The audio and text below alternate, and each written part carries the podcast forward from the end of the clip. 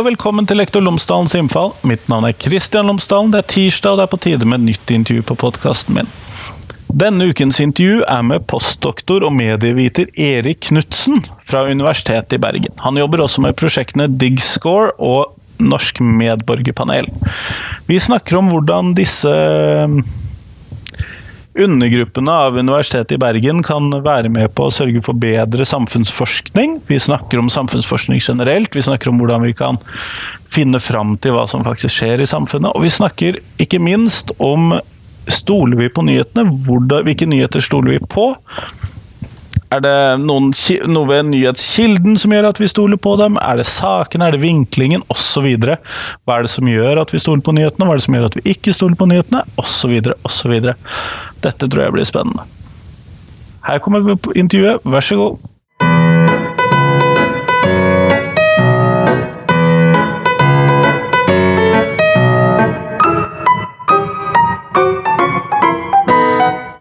Tusen takk for at jeg har fått lov til å komme og besøke deg på kontoret ditt, Erik Knutsen. Bare hyggelig. Kjekt å ha deg på besøk. Før vi starter med selve intervjuet, kunne du ha fortalt lytterne mine tre ting om deg selv, så de kan bli litt kjent med deg? Ja, klart det.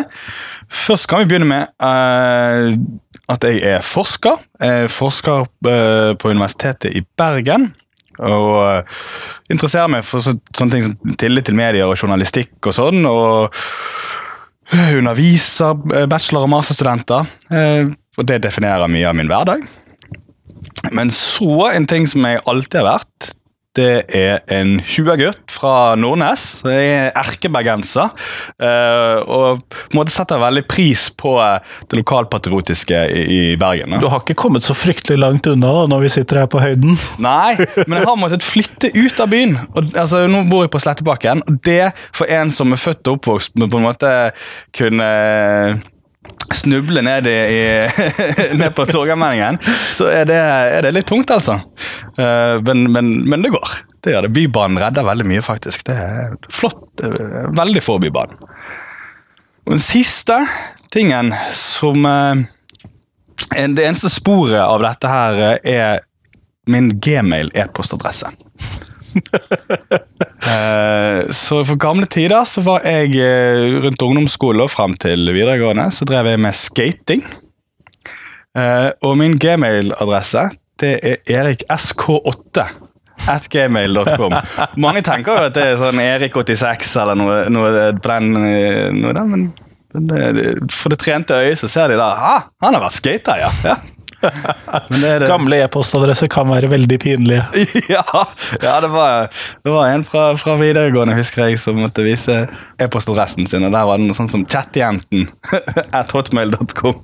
Au da. Bytt e-postadresse, heter det. Iallfall før du søker jobb. Ja, jeg tenker det. Eh, men hvis vi skal ta oss og komme oss over på selve intervjuet, så handler jo dette intervjuet mye om arbeidet ditt her på universitetet. Mm. Og du jobber da i noe som heter DigScore, ja. hvis jeg klarer å si det riktig. Ja. Eh, hva er det for noe? DigScore det står for Digital Social Science Core Facility. Eller kjernefasilitet for digital samfunnsvitenskap. Um, som er rett og slett en av Universitetet i Bergens store satsinger på eh, digital eh, forskning. Eh, og dette her er det første, første kjernefasiliteten, som det kalles, eh, i samfunnsvitenskapen på Universitetet i Bergen, og den største satsingen i Norden. Eh, det det innebærer, er at vi, vi fasiliterer eh, infrastruktur som gjør det lettere for forskere å drive med digital forskning, altså forskning med digitale hjelpemidler. Eh, så, eller forskning som man gjerne har gjort før, men som har blitt, veldig mye enklere og veldig mye mer ambisiøst med eh, med digitale hjelpemidler. Så F.eks. Norsk medborgerpanel, som kanskje mange av lytterne har hørt om for allerede gjennom vårt samarbeid med Bergens Tidende. Senest i dag så var vi på Politisk kvarter. Ble brukt, våre tall ble brukt eh, for å si at uh, mange venstrevelgere misliker uh, Frp-velgere. og dermed kan... Skikkelig bombe for de som følger litt med. ja, ja, men det var, var jo litt morsomt da når Siv Jensen ble stilt til veggs med dette her. Hvordan mener du samarbeidet kommer til å gå? Deres velgere liker ikke hverandre. Nei. Men uh, Dette er jo sånne ting som går an å anta, men uh, det er mye som går an å anta, uh, men vi vet ikke før vi faktisk sjekker det. Og det er litt viktig med samfunnsvitenskapen, at vi blir ofte anklaget. Ja, men dette her vet vi jo fra før. Dette er jo ikke noe nytt. Men sånne ting vet vi ikke før vi faktisk har sjekket det. Vi tror vi vet det, og så må vi få det bekreftet som all annen forskning. Ja, altså, eh, en, liten, en liten digresjon på akkurat det. Paul eh, Lasersfeldt, eh, kjent valgforsker fra Amerika. Da han på 70-tallet eh, publiserte noe av forskningen sin, så, skriv, så skriver han elegant hvordan utfallet er. Og du merker at folk bare nikker. Ja, men Det er jo selvsagt. Ja, ja, ja, men det var jo selvfølgelig du skulle finne det, og det var det du fant, men dette visste vi fra før av. Og så kommer du et avsnitt lenger nede. Ja, for du tror at det var sånn, ja. Men det var faktisk omvendt. og så klarer du å finne på ganske mange altså, og, og, og resonnere etterpå. Ja, men det er jo selvsagt, selvfølgelig var det sånn. Men det viser litt at vi er i stand til å etterrasjonalisere veldig raskt. Og da er det viktig å på en måte fremme, å, vise frem det at, at, at empirisk forskning, det å, å faktisk gå ut og teste det, er enormt viktig. Så dere, hovedjobben her er altså da å gjøre det lettere for forskeren å gjøre de undersøkelsene? Ja. Det er en infrastruktur som forskere kan benytte seg av. Så Istedenfor hver gang en forsker skal ut og samle inn informasjon om hva norske borgere mener om noe, eller kjøre et eksperiment, så må de sette opp et panel eller kontakte et av disse byråene. byråene. Så er dette her mer et et samarbeid der man blir mer med i en forskningsgruppe, og så uh, betaler man ikke nødvendigvis noe i starten for å få på sine spørsmål, men etter hvert som man er i en posisjon der man kan uh, være med og finansiere dette gjennom eksternfinansiert forskning og, og, skrive dette inn i søknaden sin, og sånne ting, så vil det dryppe tilbake på Digscore. På den måten så, så, gjør vi det lettere å, å, å, gjøre den type forskning, og ikke minst få opp og frem uh, unge forskere som i alle fall ikke er i den posisjonen. Nei, for de har jo i hvert fall ikke penger. Nei, så jeg kan si for min egen, min egen avhandlingsarbeid, som handlet om, om, om medie, medies fremstilling av Nav, og hvordan det har vært med å innvirke på norsk opinion om Nav, så var med Norsk medborgerpanel det var helt Det var kjempeviktig for å få gode data på norske holdninger og hvordan mediene kunne ha vært med å påvirke det. Så det viser da, altså, det, Dette er ting som jeg allerede har fått til dersom jeg hadde vært en doktorgradsstudent alene.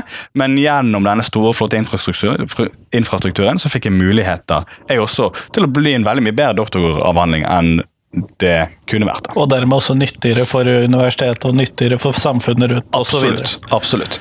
Eh, nå har vi også eh, utvidet eh, Nå er det ikke bare Norsk medborgerpanel. Nå er det også Medborgerlabben.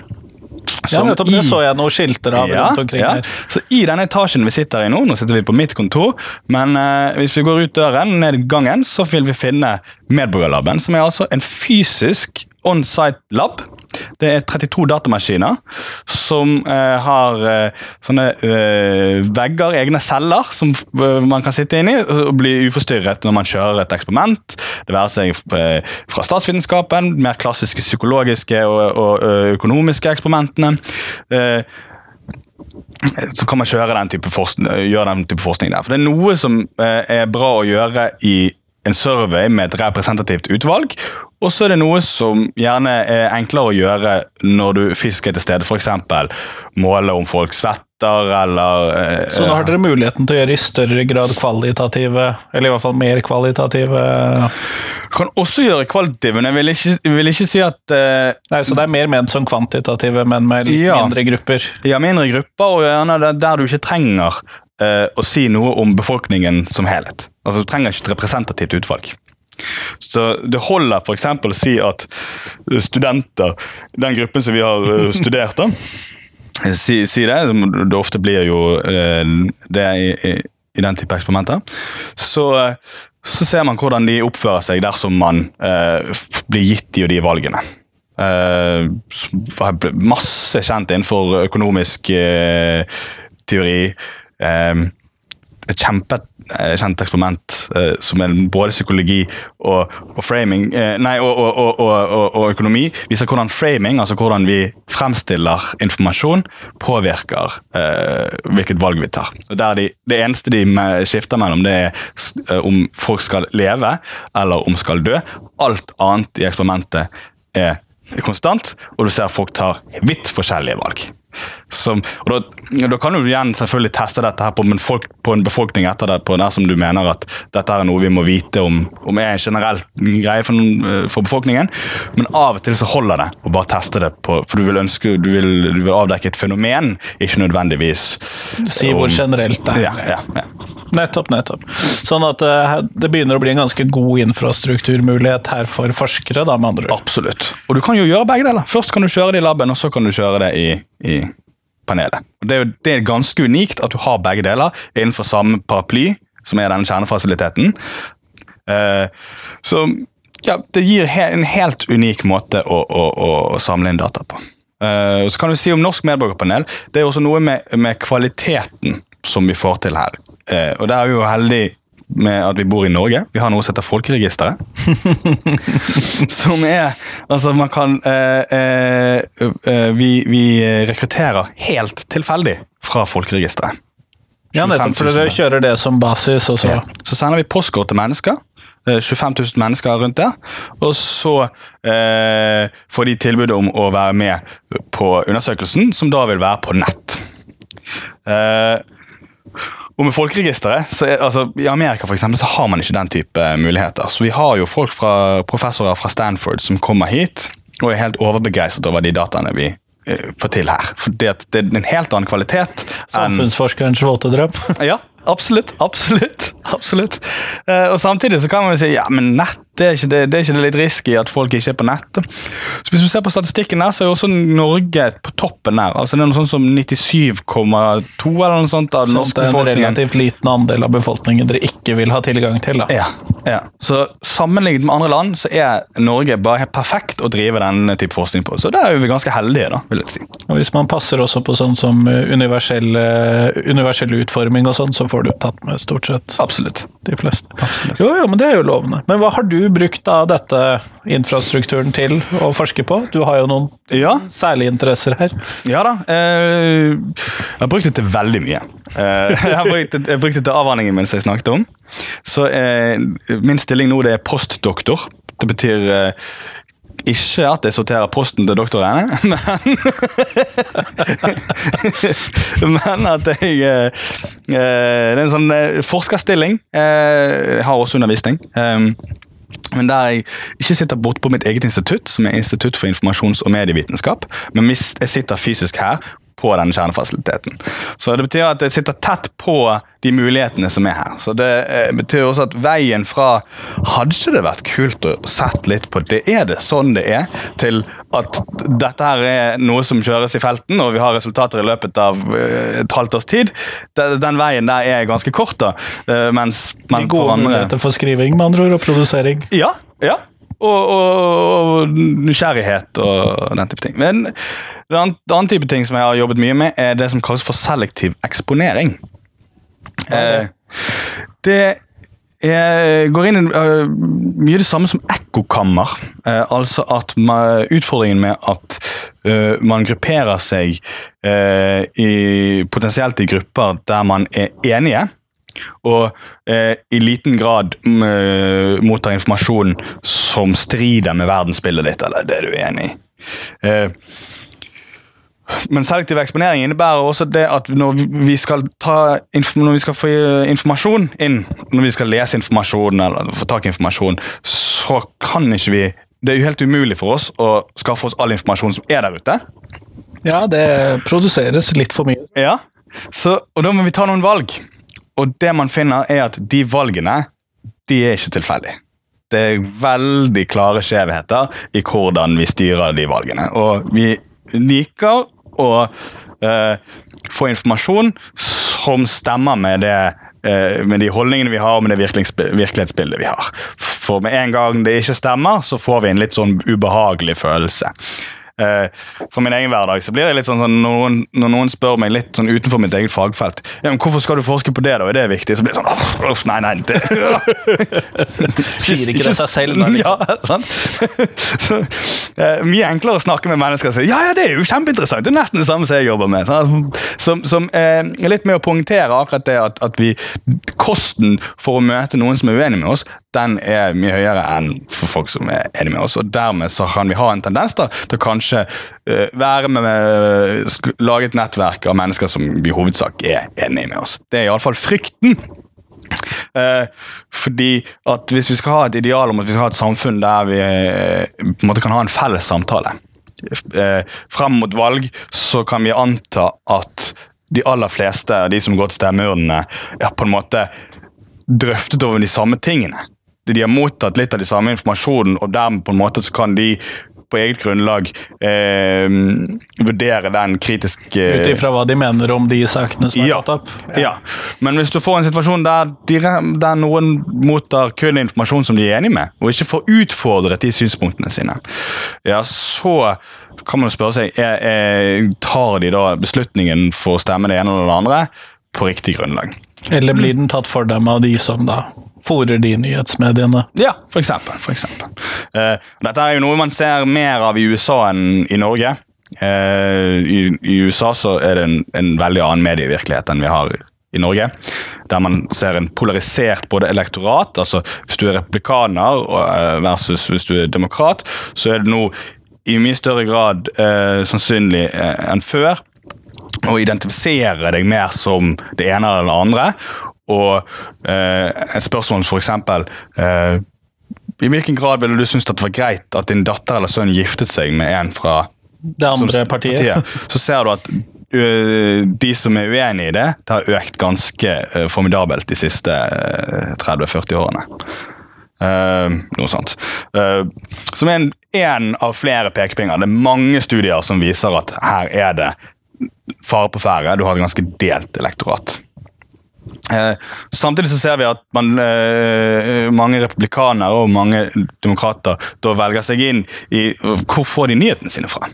Jo, eh, republikanere velger Fox News, som er mye mer tilbøyelig til å på en måte holde ved eh, med republikansk side og, og, og rapportere eh, ensidig fra det. Ja, kanskje ikke så mye fra nyhetene, men spesielt det som kommer etterpå. Sånne her talkshows og sånn. Eh, så altså Meningsbiten av nyhetene? ja, ja. Der, der, der ser du altså de, de Der stiller man jo spørsmål ved om hvorvidt Muller er, er, er eh, god nok til å gjøre den jobben, og, og, og at det er bare tull at, eh, at uh, det er noe som helst sammenheng mellom Russland. og på en måte, Man går ganske langt da for å støtte, støtte Trumps eh, synspunkt i denne saken. Og Hvis man kun får nyhetene sine fra det, så så eh, kan det være problematisk. Vis versa fra andre siden. da, Hvis man ikke eh, får den type eh, meninger i det hele tatt inn, så, tenker, så lever man kanskje i den tro om at ja, ja, men her, her er det ingen fare på ferde, her er jo alle enige. og sånn, Men plutselig så har vi en president Trump som blir eh, valgt, og på en måte Ja, nei, jeg ser, jeg ser jo den, og jeg, det ubehaget som du snakker om, det kjenner jeg ofte på. Jeg får hver morgen tilsendt en mail fra Retriever om eh, alle nyhetene innenfor gitte, gitte områder hver eneste morgen. Eh, gjerne et par ganger midt på dagen òg. Eh, og får jo da fra alle Norges medier. Ikke Ja. bare de som jeg abonnerer på og vanligvis Nei, leser. Og det er jo noen ganger du sitter igjen litt sånn eitrende forbanna. Og Ja. er det, nei, dette er da pokker meg ikke virkeligheten. uh, så jeg kan skjønne den. Ja, og det, Selv om det er noen kost knyttet til å motta den type informasjon, så er det uh, iallfall Hvis man har et ønske, et sånn normativt ønske om hvordan demokratiet skal være, at vi skal være såpass informert at vi ikke skal være inngrupper og utgrupper der altså oss og de. At man ikke snakker Nei, de, de som stemmer det, de snakker vi ikke med. De vil ikke vi invitere i en familieselskap. De vil ikke vi, altså, og de har holdninger som vi ikke har. Hvis vi ikke vil ha et oss og de-samfunn, eh, og hvis vi ikke vil eh, og hvis vi har et, eh, et ønske om at vi skal ha en slags felles samtale i dette landet, at det er bra for demokratiet, så må vi noen ganger ta den, den kosten. Så sier, ikke min forskning nødvendigvis at vi unngår. Det, det er mer det at vi søker informasjon som vi er enig i. Men det betyr ikke at vi unngår informasjon som vi er uenig med. Så det er to forskjellige mekanismer som går der. Eh, Så, så det vi har funnet med ganske store eksperimenter, eh, spurt mange mennesker og, og har veldig mye informasjon om hvorfor de velger en nyhetsoverskrift over en annen, så finner vi det at eh, det er ikke nødvendigvis eh, det at man velger vårt, men at man velger, man søker informasjon som man er, som man er enig med. Og det gjelder både medier nå har ikke vi noe som heter Fox News i Norge, men nå har Klassekampen og litt sånne ting som likevel kan være indikatorer. Og Vi finner litt de samme tendensene i Norge, langt ifra like sterkt som i USA. Eh, men også at vi liker å lese nyheter om partier vi liker, og om eh, saker som vi er enig i. Og at dette her er fenomener som er, det er ikke noe som gir veldig mye mer utslag enn den andre. Gir det, det, men eh, gir dette seg noe som helst utslag i hvilke medier vi benytter oss av som forbrukere av medier? Nei, altså Poenget vårt i, alle fall i den artikkelen som jeg snakker nå, er at um, vi, vi, kontrollerer jo for kilde, da. Altså yeah. for hvilke medier du, du bruker. og og selv om, for eksempel, selv om vi ikke har et Fox News i Norge, så når du klikker deg inn på cnrk.no, så møter du et nytt valg. Du har tatt valget, ok, men jeg skal ha informasjon dag, akkurat nå så skal jeg ha det fra nrk.no. Så har du tatt det valget, og da får du opp nrk.no. Men så møter du mange nye valg, og det er ok, her er det en prioritert rekkefølge på masse informasjon som jeg må klikke meg inn på for å få mer informasjon. Du Uh, veldig sjelden så klikker vi oss systematisk gjennom alt sammen og får all informasjon på nrk.no. Så det, igjen må vi ta noen valg. Og Der finner vi også at på, på overskriftsnivå så er det noen klare uh, føringer for vi, hva vi velger. Uh, og Hvis et parti som du liker står nevnt, så er det mye høyere sannsynlighet for at du klikker på den. Oh ja, så når, når det da står KrF og vi liker KrF, så mm. velger vi den fremfor artikkelen hvor det står et eller annet om Frp som vi ikke liker? Med mindre ja. det er tydelig at det er negativt for Frp, kanskje? Faktisk, men det er det som er interessant, at eh, vi kontrollerer også for negativ og positiv informasjon. Eh, men når det gjelder parti, så er, er, gir et lite utslag på om det står i negativ eller positiv uh, fortegn, men du vil uansett søke informasjon om ditt parti. Det er, liksom, det er gruppen min.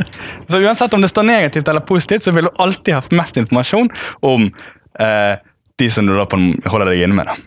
Eh, det er Interessant. Ja, det er det. Eh, men kan vi på generell basis si at vi stoler på nyhetene eller mediene i Norge? Det er et godt spørsmål. Det er også det, det, det andre tingen eh, som eh, jeg har interessert meg mye for. Og det er et vanskelig spørsmål å svare på. For uh, Det er jo ingen spørsmål som er lett å svare på som er interessant. Nei, nei. For, for man, først må man på en måte begynne med da Hva vil det si å stole på mediene? Uh, og hvilke elementer er det da som er viktige for folk for å stole på mediene? Er det eh, noe så enkelt som at eh, er det mange skrivefeil eller sånn? Eller, eller, er det mm, det at det er en ideologi, at man føler at man ikke er representert i, i et medie? Eh, man føler seg litt utenfor? Så det er mange ting som, som kan, kan, skje her, da. Eh, kan begynne med å si at Jeg har forsket på, på um, det å ha tillit til norske medier fra flere, innfallsvinkler, men ideologi har på en måte vært en fellesnevner. Uh, men det har også kanskje vært fordi at det, det, det, henger sammen med den andre forskningen min som jeg snakket om nettopp med selektiv eksponering. Så har du det som heter selektiv tillit. At du, at du gjerne velger å stole på noen fremfor noen andre fordi at du de er liksom med de er en del av uh, gruppen min. da. Gode, ja. Ja, ja. Um, og eh, litt interessant der er at vi stilte også et åpent spørsmål i Norsk medborgerpanel. Uh, det, de, det, er en av de tingene som uh, har blitt veld, veldig mye enklere med digitale spørreskjema. Er at folk kan skrive inn sine egne svar. Så slipper du jo da å overføre dette til en datamaskin og digitalisere det. sånn. Det er digitalt med en gang. Du kan begynne å jobbe med det med en gang. Det er brysomt fremdeles, men det er mye mindre jobb. Ja, men så har du da Så sitter vi da to, litt over rundt 2000 svar, sant? som også er da litt sånn åh, mye å lese gjennom. Eller eh, kanskje ikke greit å lese gjennom, men det å kategorisere disse her, og sånn, det, det er jo da en, en formidabel jobb. Så har det kommet nye muligheter der også med auto, semiautomatiske tekstanalyser. Eh, der datamaskinen eh, med statistiske metoder kan eh, gi eh, oss forskere noen eh, indikasjoner på at ok, her i denne gruppen så bruker de disse ordene, og vi mener at det er, en, det er et eget emne, et eget tema. Mens her så det, de, bruker de helt andre ord. Uh, og vi mener at det er et tema, og her, her, her. Men datamaskinen aner jo ikke hva som står der, så den prøver å si 'Hei, du menneske, uh, kan du gi, gi Ta en titt på dette. Ja, ja. ja, for jeg så dere hadde laget noen ordskyer basert på hva forskjellige grupper trakk fram inne på når jeg satt og mm, ventet på deg inne mm. på hjørnerommet deres. Ja. Og Ordsky er jo én måte å, å, visualisere dette på, men, men, mens dette her er nok et uh, veldig mye kraftigere eh, verktøy for forskeren. Altså, Ordsky er jo elegant for oss å vise ting raskt og, og gærlig på, på, uh, på briller, men også på altså, et visualiseringsverktøy syns jeg det det er kjempeflott. Uh, uh, men i forskning så blir det fort vekk litt, litt enkelt, da. Ja, men, uh, men, jeg så at dere hadde gjort ja, noe sånt. Ja, ja, ja. uh, men det er en måte å gjøre det på. Men så her er det uh, at du, her får du ulike temaer som du da må ta stilling til. Så leser du over, så sier jeg ok, jo, her snakker de mye om at ting skal liksom være sant, i den forstand at mange sier at ikke det skal være fake news. At på en måte du skal De forstår det av tillit til mediene, at det er en viss form for sannhet i det. Uh, så er det noen som, eh, som snakker om at det skal være eh, nøytralitet. Eh, og søke objektivitet i den grad det er mulig. og ikke ha på en måte for mange bindinger, enten økonomiske eller ideologiske. Men så finner vi en gruppe som kanskje litt sånn Ofte kaller man det for en restkategori. For hvis du kun ser på ordene som datamaskinen foreslår, så gir det ikke noe særlig mening sånn mye, litt ofte litt, sånn Ok, hva, foregår her? Men det denne her, uh, metoden også gjør, er at den gir deg de mest representative svarene. Hvis du leser over det, så finner man at også her, når man stiller åpne spørsmål og få datamaskinen til å finne ting som mennesket ellers aldri hadde klart å finne For når vi går inn og så, uh, gjør dette sjøl, så går vi inn med våre egne briller og egne antakelser. og Ofte så kan man risikere å finne litt det man leter etter. da. Men eh, datamaskinen uh, kanskje er litt blindere på det? Ja, Den aner jo ikke hva den finner. den sier disse ordene henger sammen med de, og vi bruker de der, mens disse her bruker helt andre ord. Så jeg mener at de snakker om noe helt annet, men aner ikke hva de snakker om. Og Fellesnevneren er at de snakker om ideologi. Vi snakker om eh, politisk ideologi. Eh, eller en, en, slapp, en, en, form for at man eh, forstår det å ha tillit til mediene som at mediene er sin egen greie. Det er en mainstream media som på en måte er på lag med noen eh, og forstår verden på en eller annen måte, og at man ikke er, blir helt plukket opp og er med på den samtalen. Eh, F.eks. når det gjelder innvandring og sånn. Eh, og Det er interessant, eh, fordi at det henger eh, også eh, litt sammen med hvordan man har sett på populisme eller høyreradikal eh, populisme og fremveksten av det. At man har hatt partier som liksom ikke nødvendigvis har plukket opp disse velgerne før, men så har man da eh, partier som kan plukke opp velgere som føler nei, politiske partier er ikke for meg, de hører ikke på, på sånne som meg. Uh, eh, og Det, det, det syns jeg er interessant, for også der fant vi da den ideologiske dimensjonen av, av det å ha tillit til media. Uh, sånn at i alle fall i den forskningen jeg har drevet, så finner jeg at ideologi er, er veldig viktig. Det gir store utslag eh, i alle de eksperimentene og undersøkelsene og, som jeg har kjørt.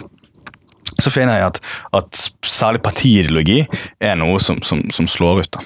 Eh, som for eksempel, eh, vi kjørte et eksperiment der vi, vi bruker en ny metode eh, som heter conjoint-analyse. Som rett og slett gjør det mulig å, å overgå grenser som har vært i eksperimenter tidligere.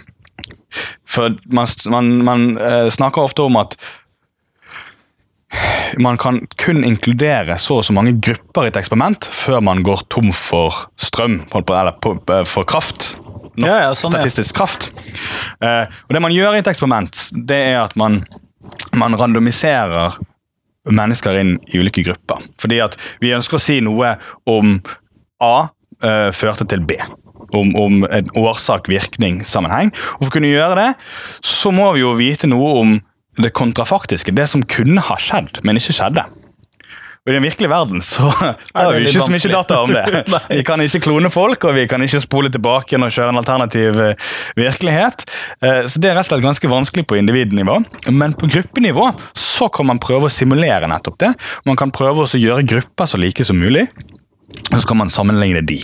Og så kan man uh, uh, gi en gruppe et scenario, en annen gruppe et annet scenario. så kan man se... For eksempel forandre på overskriften i en nyhetssak. Ja, for eksempel. For eksempel, for eksempel. Og Her er jo randomisering det hele clouet. At folk har lik sjanse til å havne i en gruppe som en annen. Hvis ikke så risikerer du å ha en hvis du tar medisinsk eh, eksempel, så har du en gruppe med folk som er allerede friske, og en gruppe som er allerede syke. Og så finner vi at pillen den funker kjempebra, folk blir friske. Mens de andre blir Nei, de dør ja, alle sammen. Ja. Så, så derfor så det at du har lik sjanse til å havne i en av gruppene eller flere av gruppene, det er kjempeviktig. Men man kan så, bare ha så og så mange grupper før man på en måte ikke har nok celler igjen, da, ikke nok mennesker igjen, før eh, det blir bare tull, det man egentlig sier. Det blir statistisk vanskelig å stå fast at eh, det her er noe, ja. ja, ja. Eh, mens vi har da fått nye teknikker som gjør at eh, man kan inkludere veldig mange flere sånne faktorer, da, eller grupper, eh, i et eksperiment. Sånn at Eh, og den teknikken heter conjoint eksperiment. Eh, er relativt ny i statsvitenskapen. Helt ny i medievitenskapen. Vi er de første som gjør det i medievitenskapen. Eh, og kan gi noen unike muligheter for oss på en måte se hva er det som er viktig. Hvis du, hvis du skrur fra hverandre en avis, hvilke, hvilke, elementer ved den avisen er det som er viktig for folk, mer eller mindre viktig for folk, når, de, skal tillit, når de skal vurdere om de har mer eller mindre tillit til den avisen. Og da sånn for eksempel, Om de har både papiravis og nettavis, eller om det bare er nettavis eller blogg, så finner vi ganske kraftige utslag på Det vil jeg tro. Ja, men Så tenker man liksom Hva, hva kan det ha noe med? Altså, jo, det kan jo være eh, Det kan vekke noen minner om, om hva type dette avis er, hvor gammel han er, f.eks. Hvis det er en gammel avis, så gjør det vel ingenting om de selger eh, papir, eller om de blir kvitt papiravisen sin. Eller har mange eller få lesere, eller om de har mye eller ingen uh, underholdningsnyheter, eller om de har, hvilken type reklame de har. Det fine med denne type eksperiment er at du kan kontrollere for akkurat det. Så du på en måte, du kan isolere, du kan virkelig skru av fra hverandre og si jo, men det å ha papiravis i seg sjøl som, som et eget fenomen er viktig. Vi vet ikke hvorfor, men det er viktig. Det, har ingenting med alderen å gjøre. Eller, er, ja, med, jeg ville tro at det har med statusen til avisen å gjøre. At det gir mer status. ja, ja men det, det, er det nok. Det er det nok, ja. Men, uh, så, så det, er noe, det, er noe, der, men det, er ikke, det, er ikke det at det blandes med andre variabler, som for eksempel altså, som det at det er en proxy for hvor gammel han er, eller noe sånt. Det okay, er, sånn er, ja. ja uh, det tar vi oss på en måte av med, den, med denne typen Men det vi også finner, er Vi setter jo på en måte leseren litt sånn, eller eh, respondenten i god mode. da. Og Vi vet jo veldig mye om denne avisen, eh, hypotetiske avisen. Blant annet hvor mange etiske overtredelser denne, om denne mangler. Ja. eh, og det kan man jo eh, skal holde på å si enkelt finne ut. Man kan finne ut av det eh, ved å telle PFU-oppslag og gå til men, men, det er jo ikke nødvendigvis at alle gjør det. Men gitt at du hadde informasjon om at noen eh, ofte hadde, hadde, mange etiske overtredelser, så finner vi at det, det gir enormt utslag. Og det på en måte, det tenker vi er en, en, en, en no-brainer, men det gir også en, på en måte fint eh, utgangspunkt å vurdere de andre effektene fra. Så okay, gitt utslaget vi får av at du gang på gang på gang har etiske overtredelser, hvor viktig er de andre tingene? Og det ene som egentlig virkelig klarer å matche det når det gjelder sånn, i, i, i kraft, i, i utslag, det er om du eh, Om sjefsredaktøren åpent eh, eh, Hva er det norske ordet? Endorser. Eh, Støtter. Støtter, takk. Um, et parti. Og så er vi jo helt random parti, men vi vet hva folk syns om det partiet.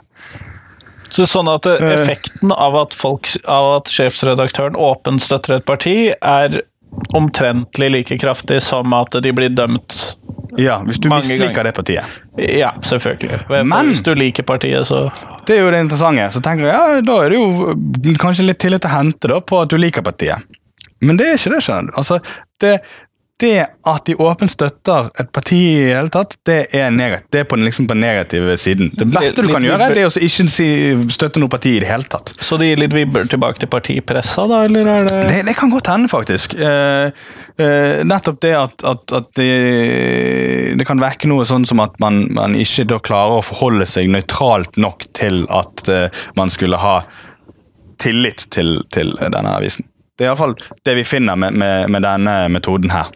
Uh, og så tester vi også ja, men, okay, men hvis du stemmer på det partiet En ting er å like partiet, men hvis du, hvis du stemmer på det partiet, det er jo ganske kraftig, da. Nei, selv da så, så er det ingenting å hente. Da er det heller ikke noe negativt, men det er ingenting positivt å hente. Så det vi finner er at, altså, at det er bare mye å tape på å gå ut og åpent støtte et parti. Eh, Men, så, sånn at denne Bergens Tidende, som da i en årrekke har støttet åpent Venstre, eh, og eller borgerlig side, Ja. men Venstre stort sett, ja.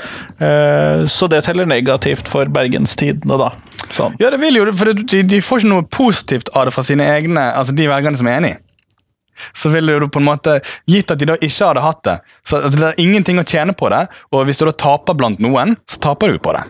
Ja, og, um, og, for jeg så jo noen av overskriftene her inne mens jeg satt og ventet, og det var Mm. annet dette med at KrF-velgerne liker ikke Venstre-velgerne, Mm. og vice versa.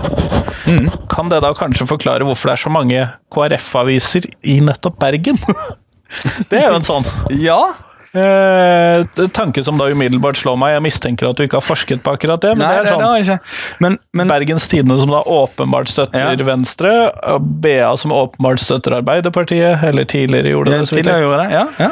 Eh, På lederplass er jo veldig Ja, viktig. Sant? Altså, på en måte, I selve avisen så gjør de jo ikke det. Nei, men på Eh, men, men på lederplass så, så gjør de det. Um, så, så tenker jeg. Bergen har også største konsentrasjonen av kristne dagsaviser. ja. og ukesaviser. ja. Eh, Jeg tror nok det er mer til tilfelle Å, nei, vet du hva, der er jeg på tynn is. Eh, eh, Men, men, men jeg tror jeg heller kan svare på hvorfor gjør da eh, hvis, Gitt at de hadde denne eh, kunnskapen eh, og hørte på oss forskere Ja, det gjør de jo ikke, da. Nei, så eh, hvorfor skulle du da likevel velge å støtte et parti? Eh, jo, fordi at eh, det vi finner her, er på en måte en slags idealavis. Men så har vi jo i tillegg noe som heter mediemarked. Og man er nødt til å være forskjellig for å kunne Litt forskjellig. Sånn at man kan tenke seg men ja, men jeg vil kjøpe den avisen og ikke den avisen. Eller jeg kan til og med kjøpe begge, for de er litt forskjellige. Ja, fordi at eh, Så, Hvis vi du har- bare har generiske aviser, Ja. holder du med en av dem. Ja. Altså, alle kan ikke være New York Times, rett og slett. sant? Altså, Noen må være Fox News. noen må være... Og det litt av det som er genialiteten med Fox News. Jo da, de, de tapte jo en haug med potensielle eh, folk, eh, publikummere, eh, og de tjener ikke nødvendigvis eh, så mange, Dette har ikke vi testet i USA, så det vet vi ikke. Så veldig mange, eh, så mye blant sine egne. Men de kan posisjonere seg i en sånn eh, posisjon i markedet at man sier at dette her er en nisje, eh, og dermed tjene penger. For de er noe tydelig, et tydelig alternativ til det andre. Så i mediemarkedet, som da blir en egen eh, dimensjon av dette her, så, Så gir det mening. så gir det mening. ja. Nettopp. Det er jo litt interessant. Mm. Så da havner det rett og slett bare inn i en annen struktur, en annen vurderingsramme, da. Ja, man må, jo- altså, eh, Det er jo avhengig av hverandre. Hvis ikke man stoler på en avis, i det hele tatt, så er det jo lite grunnlag for oss å betale penger for å enten ha annonsene sine der, eller kjøpe den. Og uten inntekter så er det vanskelig å drive avis. Ja. Eller, eh, ja. TV eller ja. Så det er jo den tosidigheten at de må uh, uh, være på lag med annonser, annonsører og eh, publikum nok til å kunne tjene penger, som gjør mediemarkedet ganske interessant fra et økonomisk perspektiv. Men også fra tillit, da, så er det jo det at de, man må da kunne balansere gjerne noen variabler som gjør at de er i stand til å po- posisjonere seg i mediemarkedet, så de blir attraktive, de blir et alternativ, men ikke gå så langt at eh, de ikke tjener penger i det hele tatt. Fordi at eh, en forutsetning for at man skal gå og bruke mediene som en snarvei til informasjon, og ikke gå hente den informasjonen på egen hånd, er jo at man stoler på at de gjør en god jobb for å eh, Samle samle inn informasjon for deg, og enten gjør det bedre enn det du har gjort det sjøl, eller omtrent like bra som om du skulle gjort det sjøl, og at dette her er en nyttig snarvei for deg i hverdagen for å holde deg oppdatert på ting som skjer i verden. Eh, men da må du kunne stole på at, at de gjør det. Eh, hvis ikke så vil ikke du betale for det. Ser den, ser den. og det skaper jo da selvfølgelig en ramme for hvordan vi som forbrukere da forbruker avisene. eh, og hvordan vi velger dem ut. Mm. Eh, og det er jo viktig. Men da må jo også elevene og skoleelevene osv. være klar over de føringene som ligger, og den muligheten for ekkokamre. Ja. Eh, man kan godt eh, Ja, veldig bra om man kan bli klar over at dette her er fenomener. Det vi prøver å, gjøre i vår forskning, er å forstå de, og forstå hva er det som utløser de, og hva er det som hvem, hvem gjelder det mer, og hvem gjelder det mindre.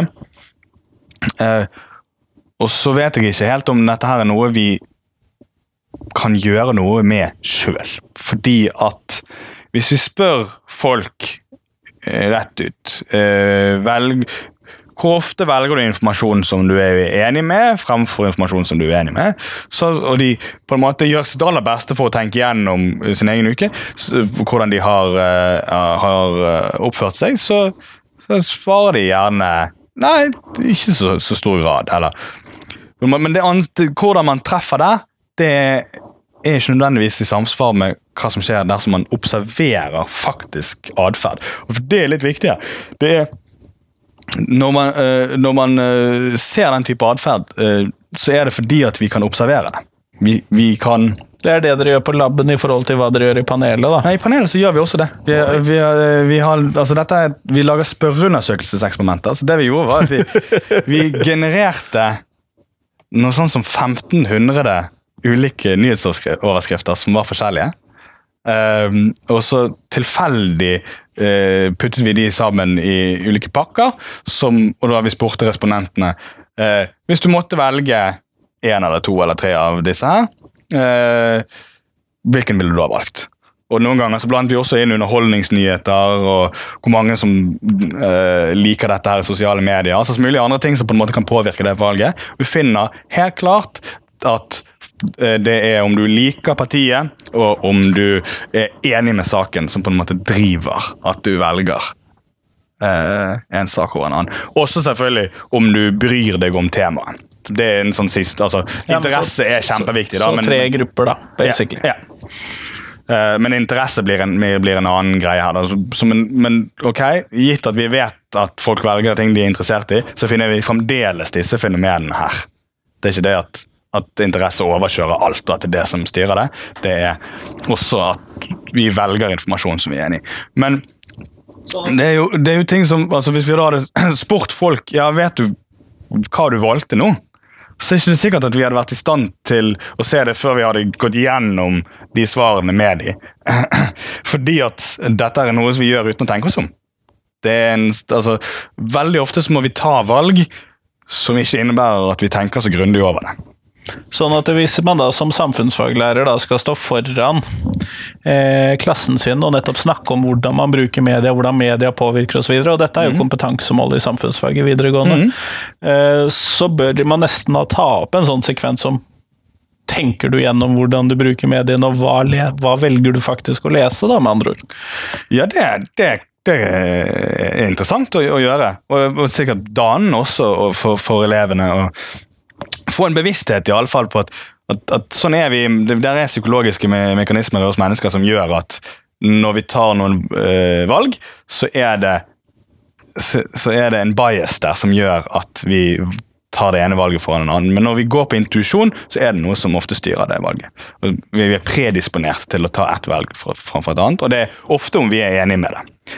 Ehm, men det gjelder jo kanskje også eh, ikke bare nyhetene, men, men også hvilke venner man har, og hvordan man oppfører seg eh, mot andre på skolen. altså At man ikke danner inngripper og utgrupper. og at man, Selv om det på en måte koster litt mer å, å, av, av deg å uh, være med noen som ikke er helt lik deg, så uh, er det en, uh, fortjeneste i at det blir mer diversitet, og, og du får mer forståelse for, på, på tvers av gruppene. Da. For Det er enklere, mye, mye enklere å forstå de du er uenig med, dersom du sitter deg ned og faktisk snakker med dem og hører på argumentene deres, eh, og kan finne noe eh, fellesgrunnlag å, å, å snakke om. Framfor å unngå de. Eh, og når det gjelder mediene, det å ha tillit til mediene, så mener jeg det at man skal være kritisk til den informasjonen man leser. Men det er på en måte det er en egen del av det å ha tillit. Det å være kritisk til informasjon er ikke nødvendigvis det samme som å stole på informasjon. Sant? Så uh, at du uh, For man skal jo ikke ta altfor god fisk, man skal vurdere det kritisk sjøl. Men det betyr ikke at man eh, skal tro at noen er ute etter å lure deg, eller at man har, ikke har grunn til å tro at dette her er sånn. Man, men man skal selvfølgelig ikke ta det for god fisk med en gang, man skal gi, gi det en vurdering. Eh, der da. Men og gjerne hente inn informasjon fra flere medier. Sant? Det er jo også viktig her. Altså, VG vil rapportere noe fra én side, og, og, og det er også mye mediekritikk fra andre medier. Sant? Altså nå, eh, Denne saken med Giske, for eksempel, så ser du hvordan De har kritisert hverandre opp og ned og bak frem for det valget om å ta opp den saken. Nettopp. Og hvis du kun da leser VG, så er det ikke sikkert at du får så veldig mye eh, av den kritiske eh, diskusjonen der. Du, er- altså, vi har et mediemangfold i dette landet som er, er ganske flott, altså. Eh, og og det, det kan vi i- størst mulig grad benytte oss av. Eh, på en måte, når man samler disse ulike eh, mediene som man bruker, så vil man være mer informert. Samtidig så vet jeg at dette er også noe mediene tenker på. De, med den gruppen som jeg snakket med om den, om den ideologiske gruppen, så tror jeg også de som føler seg litt utenfor, at mediene ikke helt representerer deres syn, tror jeg også de er inne på noe. Jeg tror, jeg tror nok at øh, vi forskere, kanskje lærere, kanskje media, på en måte har vårt litt eget ekkokammer og en måte å se verden på som ikke nødvendigvis representerer alle. Og Og da vil det være noen som føler seg utenom. ja, at særlig mediene, eh, når de rapporterer om ting som innvandring eller eh, andre typer saker som denne gruppen ofte bryr seg om, da, eh, eh, så at man tar det på alvor. Og at man tar Man trenger ikke å dele meningene med, meningen med dem, men at man tar dem på alvor. Og eh, ikke finner tullingen som på en måte eh, skrev i kommentarfelt, og på- alle kan se at dette her er jo en forstyrret person, men kanskje en som, som har noen gode argumenter, da. Eh, men som er kontroversielle. Eh, og på den måten Jobbe for at de skal føle at de blir hørt, kanskje. Ja, at man får fram ulike sider av saker. Eh, og man faktisk går fram, får fram ulike sider av sakene. Eh, Ja, interessant. så er det nok mange også som har en En, eh, en av de tingene som henger igjen, iallfall merker jeg når jeg snakker med folk. Eh, så det er litt uvitenskapelig måte å gå fram på, men det kommer også fram i disse eh, åpne spørsmålene, er at ideen om økonomiske bindinger er, er til stede hos veldig mange. Eh, at man har en idé om at eh, man fremdeles lager clickbait-saker. Selv om man, hvis man faktisk går inn og ser på eh, sakene som er i de aller fleste mediehusene i Norge, så er det ikke så mye clickbait igjen.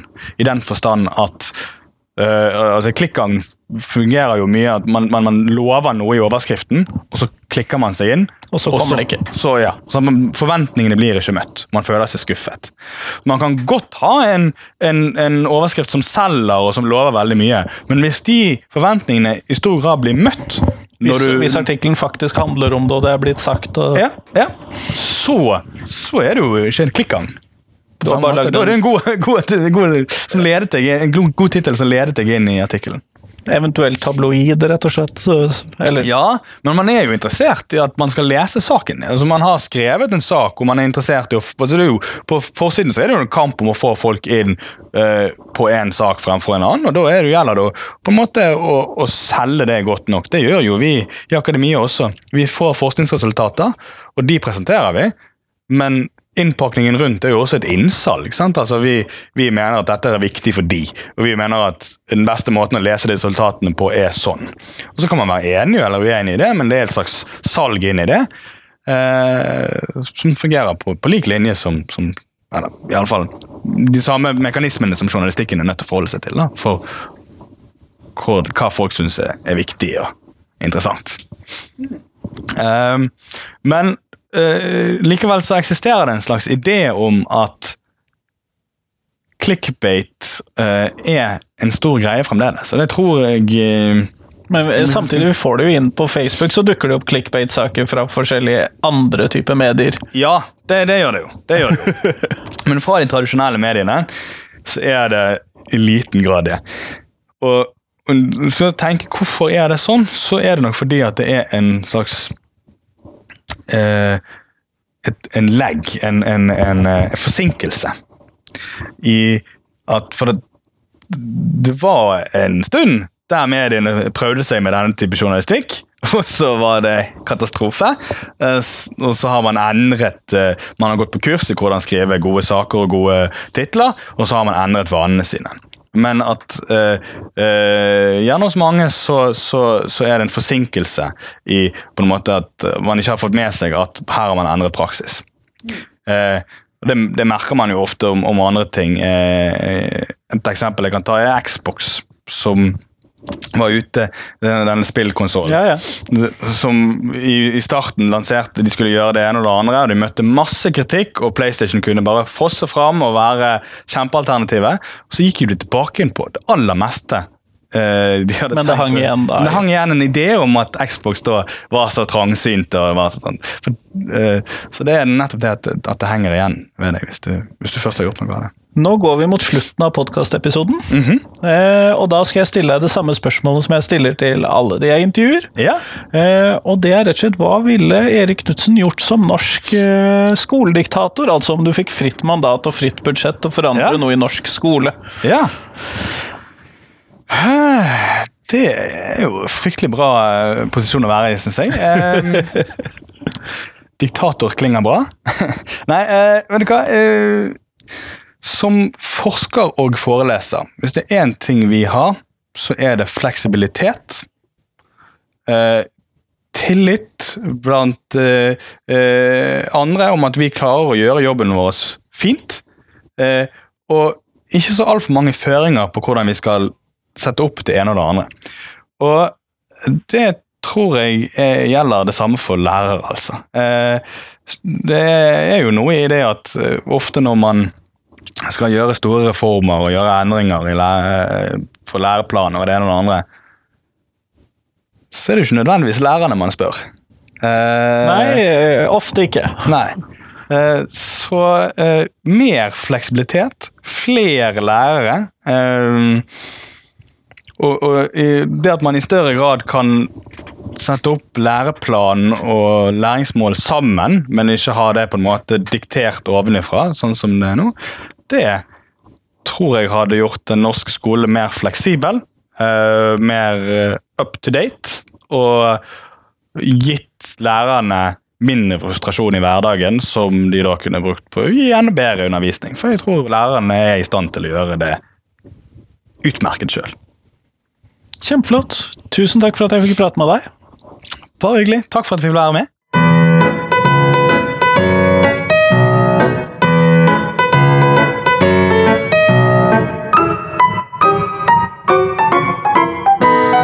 Tusen takk til Erik Knutsen, og tusen takk til deg som hørte på. Nå er det en uke til neste intervju, men i mellomtiden så håper jeg at du kan like podkasten på Facebook. Dele den til en venn eller venninne eller mor eller far eller bestemor eller hvem du nå tenker at har lyst til å høre på podkaster om norsk skole. Eller du kan ta oss og følge podkasten på Facebook f.eks., eller på Soundcloud.